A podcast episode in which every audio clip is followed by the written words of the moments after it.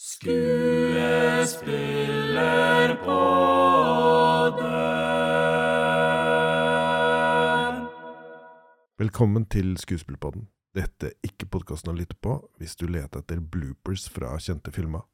Men hvis du derimot vil vite mer om hva skuespillerkunst er, så vil jeg definitivt anbefale deg å bli der du er, lyttende. Jeg er Øystein Stene, forfatter med en oppslukende interesse for skuespillerkunst, dessuten også pedagog ved Kunsthøgskolen i Oslo. Dagens spørsmål er hvem er Konstantin Stanislavskij? Og med meg til å svare på det spørsmålet, så har jeg Geir Pollen. Han er romanforfatter og lyriker. I tillegg så er han også oversetter. Og akkurat nå så sitter han og oversetter samtlige verker av Stanislavskij. Ja. Stemmer ikke det? Jo, det er riktig det. Jeg har eh, fått et ærefulle oppdrag av eh, Bokvenn forlag ved Gunnar Totland om jeg ville oversette Stanislavskij. Og jeg har jo lang praksis i det russiske språket, så det syns jeg var spennende. Så det har jeg takka ja til. Så nå er jeg ferdig med det første bindet i den såkalt skuespillerens arbeid med seg selv, og holder på med selvbiografien hans, 'Mitt liv i kunsten'. Og dette kommer i løpet av året. Ja, altså første bind av, eh, av skuespillerens arbeid med seg selv, den kommer i løpet av våren. Og så holder jeg på med denne selvbiografien som kommer når jeg blir ferdig. Og dette er altså første gang Konstantin Stanislavskijs bøker blir oversatt til norsk. Ja, det er det, og det er jo egentlig helt utrolig når du tenker på den uh, rollen Stanislavskij har spilt, og fortsatt spiller innenfor teaterverdenen, og så tenker på at han er jo oversatt til dansk, og så vidt jeg vet også svensk, og tysk selvfølgelig, engelsk osv., men aldri til norsk, og det er egentlig ganske pinlig. Jeg vet ikke hvor mye Geir Pollen visste om Konstantin Stanislavskij før han begynte arbeidet. Nei, altså, jeg er jo primært oversetter og forfatter, og ikke teatermann, egentlig. Altså, kunne ikke mer om Stanislavskij enn i veldig grove hovedtrekk, altså hva han har betydd med denne på en måte å bringe teateret ned i enkeltindividet som en, som man kaller den første boka si for, altså som en gjennomlevelsesprosess, altså der rollen skal gjennomleves og ikke bare deklareres fra scenen som noe ferdig forberedt på forhånd. Det visste jeg, altså disse tingene visste jeg, men Ja. jeg hadde jo ikke lest noe verk av han. Men før vi går inn på liksom, hva han skriver og teoriene hans, hvordan skal vi introdusere Konstantin Stanislavskij? Hva, hva slags figur er han? Han var jo født i 1863 i Moskva og vokste jo opp i en, i en eh, rik kjøpmannsfamilie, eller forretningsmannsfamilie, med ei mor som har røtter i Frankrike, og har jo da snakker jo fransk i familien sin like gjerne som russisk, som jo den russiske overklassen gjorde. Eh, har guvernante, selvfølgelig, har stort landsted, morer seg med å gå i sirkus og teater og på ballett eh, i fritida. Og dette forteller han jo om i disse, selve, denne selvbiografien, og begynner veldig tidlig som amatørskuespiller. Altså han, I selvbiografien så han jo, eh, framstår han jo egentlig som en liten sånn bortskjemt drittunge som plager omgivelsene med å sette opp teater hele tida og sånt, ikke sant, og forlanger at de skal sitte og se på han. Inngangen hans til teater er jo det at han spiller te amatørteater, går i teater, og dette utvikler seg da, og så etter hvert så blir han jo en av de betydningsfulle skuespiller i, og regissør i Russland, da, og så begynner han jo da langt ut i karrieren sin å sammenfatte den praktiske erfaringa si fra teaterscenen i det som egentlig var tenkt som to verker om det som blir kalt altså systemet, altså metodikken, pluss etter hvert disse selv, denne selvbiografien. Eh, Stanislavskij han blir jo riktignok med lange opphold på tur gjestespill i Vesten, men så blir han jo værende i det kommunistiske Sovjetunionen og overlever Stalin-tida til og med. Altså Han dør i 1938, da sa av hjerteinfarkt og ikke av ei pistolkule. Det vil jo si at han har overlevd en voldsomt dramatisk tid av russisk historie. Ja, han har og, det. Og han blir på post. Han blir værende Ja. Eh, Den viktigste ved siden av han i russisk teater, altså Meyerholt, så ble jo han skutt i 1940. Eh, Og jeg har jo tenkt over det at eh, det er jo noe med dette naturalistiske utgangspunktet for Stanislavskij som gjorde det lettere for han å overleve Stalin med hans ganske militaristiske krav om realisme, naturalisme, virkelighetstrohet og en klar idé i diktninga og i kunsten overhodet. For alt dette er jo ting som man også kan finne igjen på sin personlige måte hos Stanislavskij. Så det var kanskje lettere for han tross alt å tilpasse seg. Og så er jo han den som, som setter opp Gorki, som var en av Stalins personlige yndlinger. ikke sant? Altså, så mm. Det i seg sjøl gir jo han en slags, riktignok usikker, men dog livsforsikring. En, et annet aspekt ved Stanislavskijs liv er det tar en litt mer spesifikk retning i det øyeblikket han er med å danne teater. Ja. Hva kan vi si om det? Moskva kunstnerteater? Ja, og det er jo det vi, liksom, det breie teaterinteresserte publikum kanskje forbinder med Stanislavskij. Det er jo Man setter ham med Moskva kunstnerteater, og det finnes den dag i dag. Og kunstnerteater igjen, som da Nå husker ikke jeg i farta når det ble, når det ble etablert.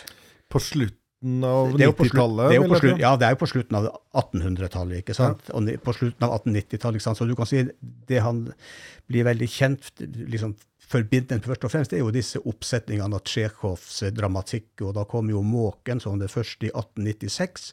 Og så kom jo 'Måken', 'Onkel Vanja', 'Tre søstre' og 'Kirsebærhagen' som perler på en snor altså, i løpet av en tiårsperiode. ikke sant? Altså, og Tsjekhov var like frustrert hver gang? Og Tsjekhov var like frustrert hver gang, ikke sant? og syntes at kalte jo 'Onkel Vanja' som for en komedie. ikke sant, altså, og, og følte vel kanskje at uh, Stanislavskij ikke helt uh, så de kvalitetene der, men han laga jo allikevel noen legendariske oppsetninger, og de hadde jo en enorm nytte av hverandre. da, at uh, altså En synergien mellom Tsjekhov og, og Stanislavskij er jo ja, jeg kan ikke i farta ikke komme på noen tilsvarende historier i teaterverdenen. Altså.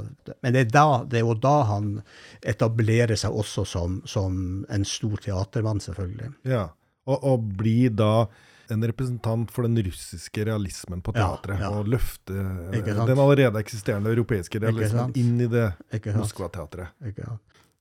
Og selvbiografien kommer jo da først utgitt i USA i 26, så vidt jeg husker, og to år senere i Russland. Og så rekker han jo da akkurat å gi ut, eller gjen, se gjennom det første, første bindet av skuespillerens arbeid med seg selv, eh, før han dør i, i 1938. Begynner jo denne boka, eh, som for øvrig heter, altså 'Skuespillers arbeid med seg selv', i gjennomlevelsens skapende prosess. Litt krøkkete, men det er det den heter på russisk. hvor han begynner jo med å si at det han skal legge fram her, det såkalte systemet, er ikke en frukt av noe teoretiske refleksjoner, men det er det han har lært seg som gjennom det praktiske arbeidet på scenen. Altså hvordan det han har følt og tenkt og gjort som selvfølgelig skuespiller først, og så etter hvert regissør. Og er veldig nøye med å si at det, han utvikler dette begrepsapparatet. Dette er f.eks. gjennomlevelse. Han sier at det har ingen eh, vitenskapelig ambisjon, eh, begrepsapparatet han utvikler. Det er kun det har oppstått i det daglige, praktiske arbeidet på scenen. Samtidig så fascinerende nok så sier han også noe i begynnelsen om at han beskriver ting som eh, om, om, det er naturlov eller noe sånt, tror jeg han sier. Ja, og det er jo også... Så det er jo en selvmotsigelse her? Ja, det er jo det, kan du godt si. Men han, han for han er jo veldig Hvis man skal liksom si hva er det, hva er det nye med Stanislavskij, liksom hvis man skal prøve det så å si destillere det helt, så er det vel kanskje nettopp det at han sier at å være skuespiller er på en måte å søke det som er naturlig i deg sjøl. Altså, du skal ikke strebe etter en figur som fins utafor ditt eget indre, anstrenge livet av deg for å være noe som du har, forestille deg på utsida, en eller annen form, en skikkelse, et ideal. Du skal gå innover i deg sjøl, du skal gjøre det som er naturlig. Ja, at du skal lytte til ditt eget indre, til følelser som alle mennesker har, som er helt naturlig. Og hvis du gjør det, så kan du på en måte øve opp en slags lydhørhet og følsomhet overfor, som man sier gang på gang på gang, det som er helt naturlig. Altså ikke få krampe av å anstrenge deg for å være et eller annet. Gå inn i deg sjøl, vær, vær, naturlig. Og så er det jo også dette han sier jo i samme åndedag, for så vidt, at teater er også handling. Altså, Du må alltid vite det gjorde også inntrykk på meg, du må alltid vite hvorfor du står på scenen. ikke sant? Altså, Du kan ikke bare stå der for å eh, Og du må hele tida være til stede. Du må hele tida på en måte være på. Kobla på. ikke sant? Du kan ikke, Han snakker f.eks. om dramatisk uvirksomhet på scenen. altså for eksempel Det å sitte på scenen og ikke gjøre noen ting, det er noe av det aller vanskeligste, sier han. ikke sant? Du skal rett og slett ikke gjøre noe. Du skal ikke si noe, så bare sitte på en sofa og ikke gjøre en drit. Det er vanskelig, sier han. Og det kaller han dramatisk uvirksomhet. ikke sant? Altså, og, og også det krever tilstedeværelse. ikke sant? Altså, og det er jo akkurat den der tilstedeværelsen emosjonelt med hele deg sjøl, hele veien fra A til Å, som på en måte er kanskje sånn hvis jeg som en amatør får prøve å sammenfatte det. Nei, men Det er utrolig interessant å, å høre en oversetter som har en tekstlig inngang til det. Ja. Uh, definere det ut fra hva du har lest. Det er det som står, står der. Og gang på gang så vender han tilbake til dette begrepet som på norsk, altså overspill. Det er liksom det absolutt verste. Altså alt, alt teatralsk, alt tillært, alt utvendig. Altså du, han setter jo opp at det finnes grunnleggende sett to så å si, skoler i skuespillerkunsten. Det han kaller for gjennomlevelsesteater, og så kaller han det som han kaller for framsynings- eller forevisningsteater. Altså der rollen på en måte er seriøs og grundig og respektabelt innstudert, men på en måte bare reproduseres hver kveld på scenen det er å kalle han for å framvise rollen. Du kan den, og du eh, han, Det er også kunst, sier han, men liksom den beste og mest ekte kunsten det er å gjennomleve, der skuespilleren går inn i rollen og med hele sitt intellektuelt og hele sitt følelsesapparat og på en måte gjennomleve. Og det er ikke noe du gjør en gang for alle. liksom, Endelig var vi ferdig med dette, nå kan vi begynne å spille. Nei, du må gjøre det hver bidige gang du går opp på en scene. Så skal du gjøre det. Og det, det, er jo kanskje nyttig å nevne at, at før Stanislavskij så snakker vi gjerne om det romantiske teatret, altså, mm. som er ganske deklamatorisk og stort. Mm. Så, altså, dette oppstår vel i en tid som, i, i, en kontrast til noe annet. I Russland så var jo det vanlige altså fransk, ikke sant? og man spilte franske komedier. ikke sant? Og det var jo et, sånn, et slags sånn hoffteater der eh, på en måte skuespillerne og skuespill var på en måte nipsfigurene som hoppa ned fra peishylla og begynte også å spille ikke sant? og ble levende. ikke sant? Altså Med kunstige fakta og med direkte henvendelse til publikum. Og Stanislavskij latterliggjør liksom hvordan man mimikken Man har et sånt standardrepertoar av mimikk som skal liksom synliggjøre fortvilelse. Da slår man seg til panna ikke sant? Liksom, og stønner høyt. og oppgitt det så himler man veldig med øya. Altså, alle følelser har sin fastlagte mimikk og det å være skuespiller var å beherske, ja, ha lært dette og kunne bruke det på scenen. Og det har han ikke mye tålmodighet med? Og det, det har han ingen tålmodighet altså Det latterliggjør han og sier at uh, det er nettopp det du ikke skal gjøre, på en måte. ikke sant? Altså Han vil ha den derre Det å at hver gang så gjennomlever du, og du kan f.eks. opplevelser du sjøl har hatt, kan du lære deg til å framkalle ikke sant? Altså, lignende opplevelser i dramatiske tekster kan du aktivisere eller levendegjøre ved å framkalle den type følelser i deg sjøl. Altså, du kan øve deg opp på det, til disse her tingene her. Og det er jo også, det er jo ikke sånn at Stanislavskij mener at du skal bare gå ut på scenen og spille spontant og bare være naturlig. Så, så vil alt komme av seg sjøl. Han kaller det jo altså Dette systemet er jo et egentlig veldig pedantisk. Altså du skal jobbe helt systematisk, studere teksten grundig, analysere, finne en slags bærende idé som du hele tida også skal ha i mente. Altså, du skal jobbe Han snakker om biter og helheter. Ikke? At du skal jobbe deg gjennom den dramatiske teksten bit for bit. Du må ikke tro at du kan sluke hele grisen med det samme. Du må ta ett og ett lite kjøttstykke. ikke sant? Så det er jo et, på mange måter en slags merkelig blanding av en tiltro til naturen i deg sjøl, men samtidig også en veldig sånn eh, eh nærmest sånn pedantisk eh, tillit til arbeidet med ting. altså Reflektere, systematisering, gjentagelse, jobb og jobb og jobb og jobb. Det syns jeg er fascinerende, for han snakker jo liksom med store bokstaver om den geniale kunsten og geniale kunstnere, men han har jo ingenting av det der at skuespillere er spesielt geniale mennesker som liksom har fått en guddommelig inngivelse fra Gud at de skal bli skuespillere. Nei, de skal jobbe. Ikke tro du er noe, ikke tro du kan det en gang for alle. I en skuespillers arbeid med seg selv så ja. introduserer jo også Stanislavskij en masse sånn verktøy og begreper og sånt. Mm. Hva, hvilke vil du trekke fram som sentrale? Ja, Det er jo det som vi snakker om, dette gjennomlevelsen. ikke sant? Altså, mm. det er jo, og så har han jo da, det er på en måte overbygninga. på en måte, ikke sant? Og så har han jo da en, en, en rekke sånne på en måte hjelpebegreper som skal på en måte hjelpe deg til å aktivisere denne gjennomlevelsen. Og et av de viktigste er jo magisk hvis. Hvis du har en oppgave, så hvis det var sånn og sånn, hva ville du gjøre da? At du skal forestille deg at noe kunne ha vært sånn og sånn. For da vil du Det trenger du for å kunne sette i gang de emosjonelle prosessene ikke sant, som, som, trengs for å kunne gjennomleve noe. da. Så det er magiske vis en sånn viktig ting. Veldig nært, og for så vidt i samme område, er jo dette her, han har et annet som heter ja, Det kan oversettes med gitte omstendighet. Altså det er det som er gitt. Du får i oppgave å være, la oss si, Hamlet, da. Og da er det jo en rekke omstendigheter som, som er der. Altså en situasjon. ikke sant? eh, og som du hele tida forholder deg aktivt til. Ofte tror jeg at når man snakker om gitte omstendigheter i dag, så snakker man om, ofte om det om, som alle de tingene som på en måte er satt allerede. Ja, ikke sant, som du ikke kan gjøre noe med. men ja. du må, ikke sant, Og det kan ha med fysiske ting på scenen å gjøre, det kan ha med lys å gjøre. eller sånn, du, altså Alt det som du må, må forholde deg til, ikke sant? Mm. rett og slett.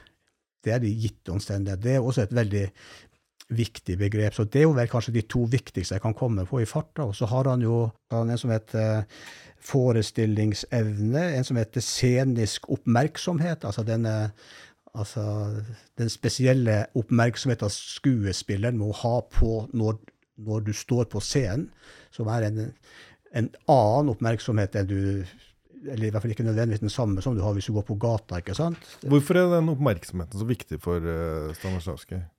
Ja, det, er jo, det er jo fordi at, nettopp fordi at det har altså uten å, uten å være på en måte som jeg sa, kobla til altså uten å være, altså Oppmerksomheten er jo en forutsetning for å kunne gjennomleve. ikke sant? Og så har han også helt konkrete ting som f.eks. avspenning av muskler, hvordan man gjør det. ikke sant? Eh, altså snakker han om den, altså det, den overordna eh, oppgaven. Mm. På russisk er det litt rart ord, for han kaller det på russisk for overoppgave og over-over-oppgave. Og det blir høres litt rart ut på norsk. Fordi eh, i, i dag så er det ofte vanlig for mange skuespillere å bare snakke om hva er mitt mål? Ja. Hva er karakterens ja. overordna mål, liksom? Eh, og så sier man at det overordna målet er å, å, å få kjærlighet. Eh, altså kan ja. det i denne scenen være eh, å få bekreftelse fra deg, f.eks.? Ja. Er det på disse nivåene, da? Da ja, det tenker jeg. Det er det han mener. Grunnleggende sett så er det han kaller med overordna overordna oppgave. Bruker ordet sadacha på russisk betyr mer en oppgave. Mm. Altså det som er, Og da tenker han vel først og fremst på, altså på skuespiller, den enkelte skuespillerplanet. ikke sant? Altså, mm. Gjennom å lese tekst og studere tekst, hele tida justere oppgaven oppover og oppover og oppover man kommer dypere inn i karakteren dypere, altså, og, ja, og, og, og, omformulere ja, målet, eller ja, ikke sant? Du må ikke sant? Du hele tiden omformulere det etter hvert som du trenger dypere og dypere og dypere inn i. Og ulempa med dette, her, på en måte, eller er begrenset, det er jo at kan jo veldig fort bli ei tvangstrøye, altså på en måte, at teater blir en slags himmeltrapp opp mot ei sannhet som på en måte er definert på forhånd. Dette verket som du nå har gitt oss en innføring i en skuespillers arbeid med seg selv. Um, det kledde inn i en fiksjonsramme. Ja, det er det. det ja, kan, du, altså, kan, du, forklare hva den er? Ja, det kan jeg forklare. og det, Som oversetter er det litt sånn kinkig å håndtere, fordi at eh, Stanislavskij var en, kanskje en genial regissør, men han var jo ingen genial forfatter. sånn at eh, eh men han har i hvert fall tenkt ganske enkelt at nå skal jeg skrive en bok om skuespillerkunsten, og den må jo ikke være kjedelig. Hva gjør jeg da? Aha, jeg lager det til ei sånn late som at dette er ei elevdagbok. Jeg har en elev, fiktiv, som begynner på en teaterskole, fiktiv. Og der er den store sjefen og en slags blanding av eh, overlærer Sokrates og vennlig, men streng far, som veileder studentene sine. Han heter Tortsov. Og han er da den som de hele tida relaterer seg til, altså søker hjelp hos råd. altså Han er en vennlig, men meget streng, så det er en slags dialogisk eh, skrevet. Så det er rett og slett så skriver han da ei dagbok fra dag til dag uten å oppgi Altså hvert sånt avsnitt begynner med 19 prikk, prikk, prikk. Altså vi skjønner det er altså samtid, men altså det er ikke datert. Men altså fra gang, dag til alle hver eneste dag altså, så er det rett og slett hans dagboknotater, der han skriver om sine egne bedrifter og kvaler og små suksesser osv. Og, så og vennene sine på teaterskolen, hvordan de jobber sammen. Og først og fremst denne Tortsov, som da forteller de og instruerer de og korrigerer de og oppmuntrer de og kjefter på de. Og, så det er rett og slett en elevdagbok. Og Kostja har ikke noe annet mål i livet, virker som, enn å bli en god skuespiller og tilfredsstille ja. eh, Torstov. Ja, ikke sant. Torst, altså, Kosta, som han heter, han er, han er da uh, i gammeldags forstand vier han sitt liv til skuespillerkunsten. Altså, det er det han lever og ånder for. Og, og der blir han jo kan man vise en litt sånn vel høystemt, da, men Tord så trekker han jo hele tida ned, og er jo veldig idealistisk i synet sitt på kunst generelt, altså sånn men altså veldig praktisk i tilnærminga, rett og slett. Og så, så det følger jo da denne, denne Kostia-studenten gjennom et ikke et helt altså Det er litt usikkert altså Russiske semestre er litt annerledes enn norske, men altså i en, i en definert tidsperiode, rett og slett. altså. I et studieforløp? I et, et studieforløp. ikke sant? Altså, vi kan kalle det første år. ikke sant? Så det er jo da første bindet. Så skal vi jo da etter hvert oversette den andre bindet, som da vil være det som heter ja, Du kan oversette det russiske ordet med personifisering eller legemliggjøring eller kroppsliggjøring av rollen. da. Som du også skal oversette? Som jeg også skal oversette når eh, jeg har oversatt selvbiografien. Og dette tar litt tid, for det er jo bøker på 500-600 sider, sånn kompakt prosa. sånn at, eh, Og Stanislavskij er ikke redd for å gjenta seg sjøl, sånn at eh, av og til så skulle man jo ønske han hadde sendt manuskriptet sitt til en redaktør først. Det, var, det er kanskje derfor den eh, amerikanske utgaven som kom før den russiske, er så veldig mye kortere? Da? Jeg tror kanskje det er fordi at eh, De hadde ikke tålmodighet, liksom? De bare kutta Nei, ikke sant. Han er, han er snakksom. Han, er ikke, han har ikke noe, kan ikke så mye om dramaturgi i prosa. Altså, hvordan man dramatiserer en prosatekst altså, og begrense seg og kutte ut gjentagelser og på en måte bygge opp en tekst med spenningspunktnivå. Altså, hvordan, det kan han ikke. Så uh, Geir Pollen selger ikke inn uh, Stanislavskij av uh, sin litterære kvalitet. Ja. Det er ikke Nei, det ikke, som først og fremst er grunnen Nei, altså, ikke les han som uh, Ikke les han for Det vil være dypt urettferdig mot han sjøl også. Må, man må lese han som mm.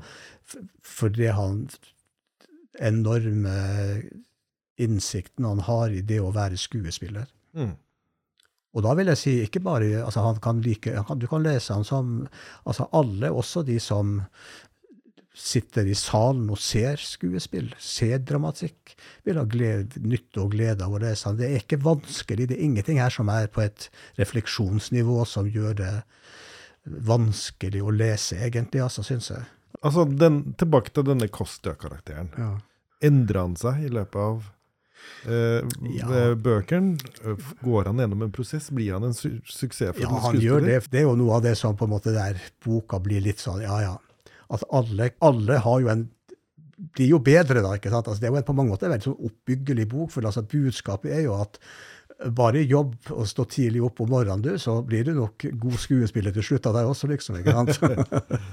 så, så, det er veldig sånn Han bruker mye plass på å snakke om disse skuespillerne som velger å ta liksom den raskeste veien til målet. ikke sant? Altså, De mm. tror det finnes snarveier i alt. ikke sant? Altså, ja, dette skal jeg i hvert fall ikke jobbe så mye med. ikke sant? Så tar de liksom det de tror er en snarvei, og så alltid viser seg å feile. ikke sant? Altså, altså den eneste veien er på en måte den lengste. ikke sant? Altså Gjennom jobbing og svetting og nederlag og gråt og tenners gnissel. Det er er, det, er det noe russisk her?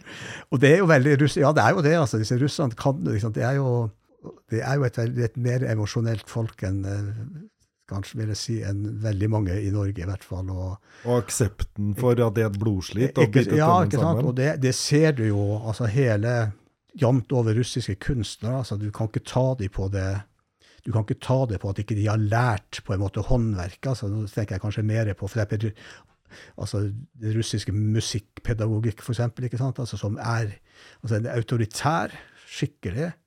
Det er ikke noe dilling den skaper jo noen av de beste musikerne som, som finnes. ikke sant? Mm. Autoritært, men, en enorm kraft og, og liksom aksept for at kunst koster noe. Hva er det viktigste Stanislavskij har lært deg som oversetter? Han har jo lært altså,